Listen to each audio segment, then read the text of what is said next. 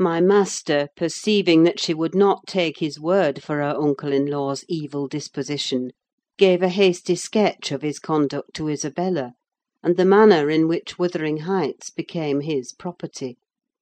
He could not bear to discourse long upon the topic; for though he spoke little of it, he still felt the same horror and detestation of his ancient enemy that had occupied his heart ever since Mrs. Linton's death.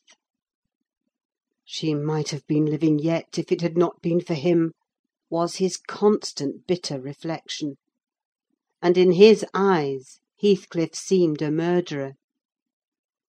Miss Cathy, conversant with no bad deeds except her own slight acts of disobedience, injustice, and passion, arising from hot temper and thoughtlessness, and repented of on the day they were committed, was amazed at the blackness of spirit that could brood on and cover revenge for years, and deliberately prosecute its plans without a visitation of remorse. She appeared so deeply impressed and shocked at this new view of human nature, excluded from all her studies and all her ideas till now, that Mr. Edgar deemed it unnecessary to pursue the subject. He merely added, "You will know hereafter, darling, why I wish you to avoid his house and family. Now return to your old employments and amusements, and think no more about them." Catherine kissed her father, and sat down quietly to her lessons for a couple of hours, according to custom; then she accompanied him into the grounds, and the whole day passed as usual. But in the evening, when she had retired to her room, and I went to help her to undress, I found her crying, on her knees by the bedside. "Oh, fie, silly child!" I exclaimed. "If you had any real griefs, you'd be ashamed to waste a tear on this little contrariety. You never had one shadow of substantial sorrow, Miss Catherine. Suppose for a minute that master and I were dead, and you were by yourself in the world, how would you feel then? Compare the present occasion with such an affliction as that, and be thankful for the friends you have, instead of coveting more." "I'm not crying for myself, Ellen," she answered. "It's for him. He expected to see me again to morrow, and there he'll be so disappointed; and he'll wait for me, and I shan't come." "Nonsense!" said I. "Do you imagine he has thought as much of you as you have of him? Hasn't he Hareton for a companion? Not one in a hundred would weep at losing a relation they'd just seen twice for two afternoons. Linton will conjecture how it is, and trouble himself no further about you." "But may I not write a note to tell him why I cannot come?" she asked, rising to her feet. "And just send those books I promised to lend him? His books are not as nice as mine, and he wanted to have them extremely, when I told him how interesting they were. May I not, Ellen?" "No, indeed! no, indeed!" replied I, with decision. "Then he would write to you, and there'd never be an end of it. No, Miss Catherine, the acquaintance must be dropped entirely. So papa expects, and I shall see that it is done." "But how can one little note—" she recommenced, putting on an imploring countenance. "Silence!" I interrupted. "We'll not begin with your little notes. Get into bed." She threw at me a very naughty look; so naughty that I would not kiss her good night at first. I covered her up and shut her door, in great displeasure; but, repenting half way, I returned softly, and lo! there was Miss, standing at the table with a bit of blank paper before her and a pencil in her hand, which she guiltily slipped out of sight on my entrance. "You'll get nobody to take that, Catherine," I said, "if you write it.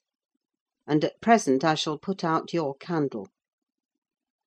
I set the extinguisher on the flame, receiving as I did so a slap on my hand, and a petulant "Cross thing!" I then quitted her again, and she drew the bolt in one of her worst, most peevish humours. The letter was finished, and forwarded to its destination by a milk fetcher who came from the village; but that I didn't learn till some time afterwards. Weeks passed on, and Cathy recovered her temper; though she grew wondrous fond of stealing off to corners by herself; and often, if I came near her suddenly while reading, she would start and bend over the book, evidently desirous to hide it; and I detected edges of loose paper sticking out beyond the leaves. She also got a trick of coming down early in the morning, and lingering about the kitchen, as if she were expecting the arrival of something; and she had a small drawer in a cabinet in the library, which she would trifle over for hours, and whose key she took special care to remove when she left it. One day, as she inspected this drawer, I observed that the playthings and trinkets which recently formed its contents were transmuted into bits of folded paper. My curiosity and suspicions were roused: I determined to take a peep at her mysterious treasures; so at night, as soon as she and my master were safe upstairs, I searched, and readily found among my house keys one that would fit the lock. Having opened, I emptied the whole contents into my apron, and took them with me to examine at leisure in my own chamber.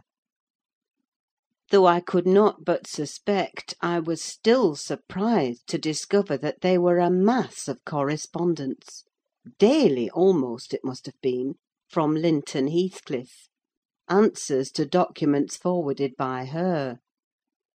The earlier dated were embarrassed and short; gradually, however, they expanded into copious love letters: foolish, as the age of the writer rendered natural, yet with touches here and there which I thought were borrowed from a more experienced source.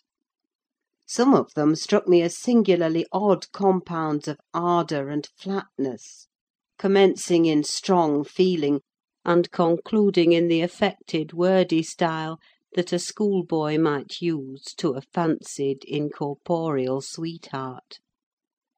Whether they satisfied Cathy I don't know; but they appeared very worthless trash to me.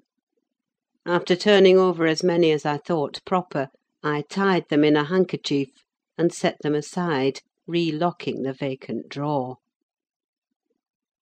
Following her habit, my young lady descended early, and visited the kitchen. I watched her go to the door on the arrival of a certain little boy; and while the dairymaid filled his can, she tucked something into his jacket pocket, and plucked something out. I went round by the garden, and laid wait for the messenger, who fought valorously to defend his trust, and we spilt the milk between us.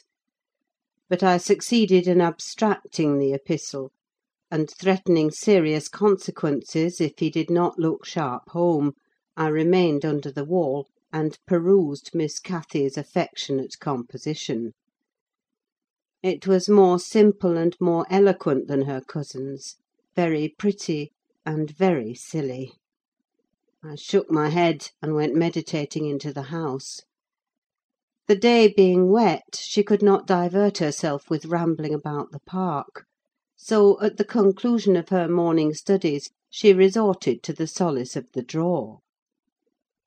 Her father sat reading at the table, and I, on purpose, had sought a bit of work in some unripped fringes of the window curtain, keeping my eye steadily fixed on her proceedings. Never did any bird flying back to a plundered nest, which it had left brimful of chirping young ones, express more complete despair, in its anguished cries and flutterings, than she, by her single!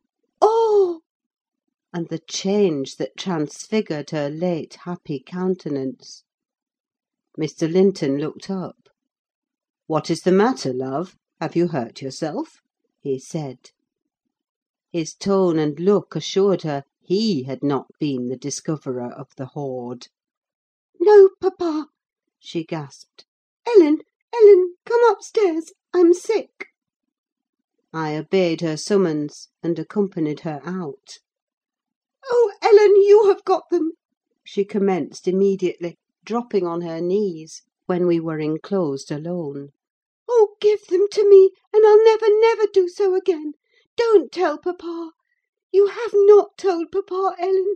Say you have not! I've been exceedingly naughty, but I won't do it any more."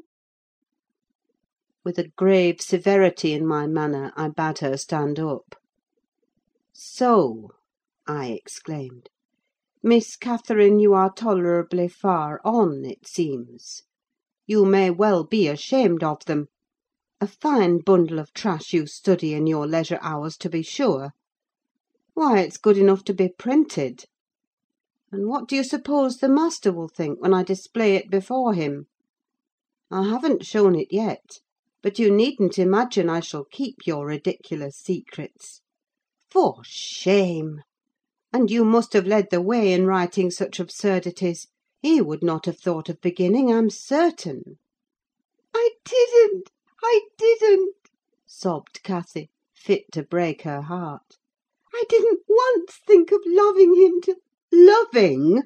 cried I, as scornfully as I could utter the word. "Loving!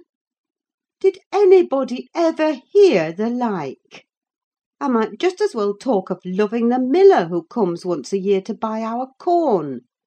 Pretty loving, indeed! And both times together you have seen Linton hardly four hours in your life. Now, here is the babyish trash. I'm going with it to the library, and we'll see what your father says to such loving." She sprang at her precious epistles, but I held them above my head and then she poured out further frantic entreaties that I would burn them, do anything rather than show them. And being really fully as much inclined to laugh as scold, for I esteemed it all girlish vanity, I at length relented in a measure, and asked, "If I consent to burn them, will you promise faithfully neither to send nor receive a letter again, nor a book, for I perceive you have sent him books, nor locks of hair, nor rings, nor playthings." "We don't send playthings!" cried Catherine, her pride overcoming her shame. "Nor anything at all, then, my lady," I said. "Unless you will, here I go." "I promise, Ellen!" she cried, catching my dress. Oh, put them in the fire, do, do!"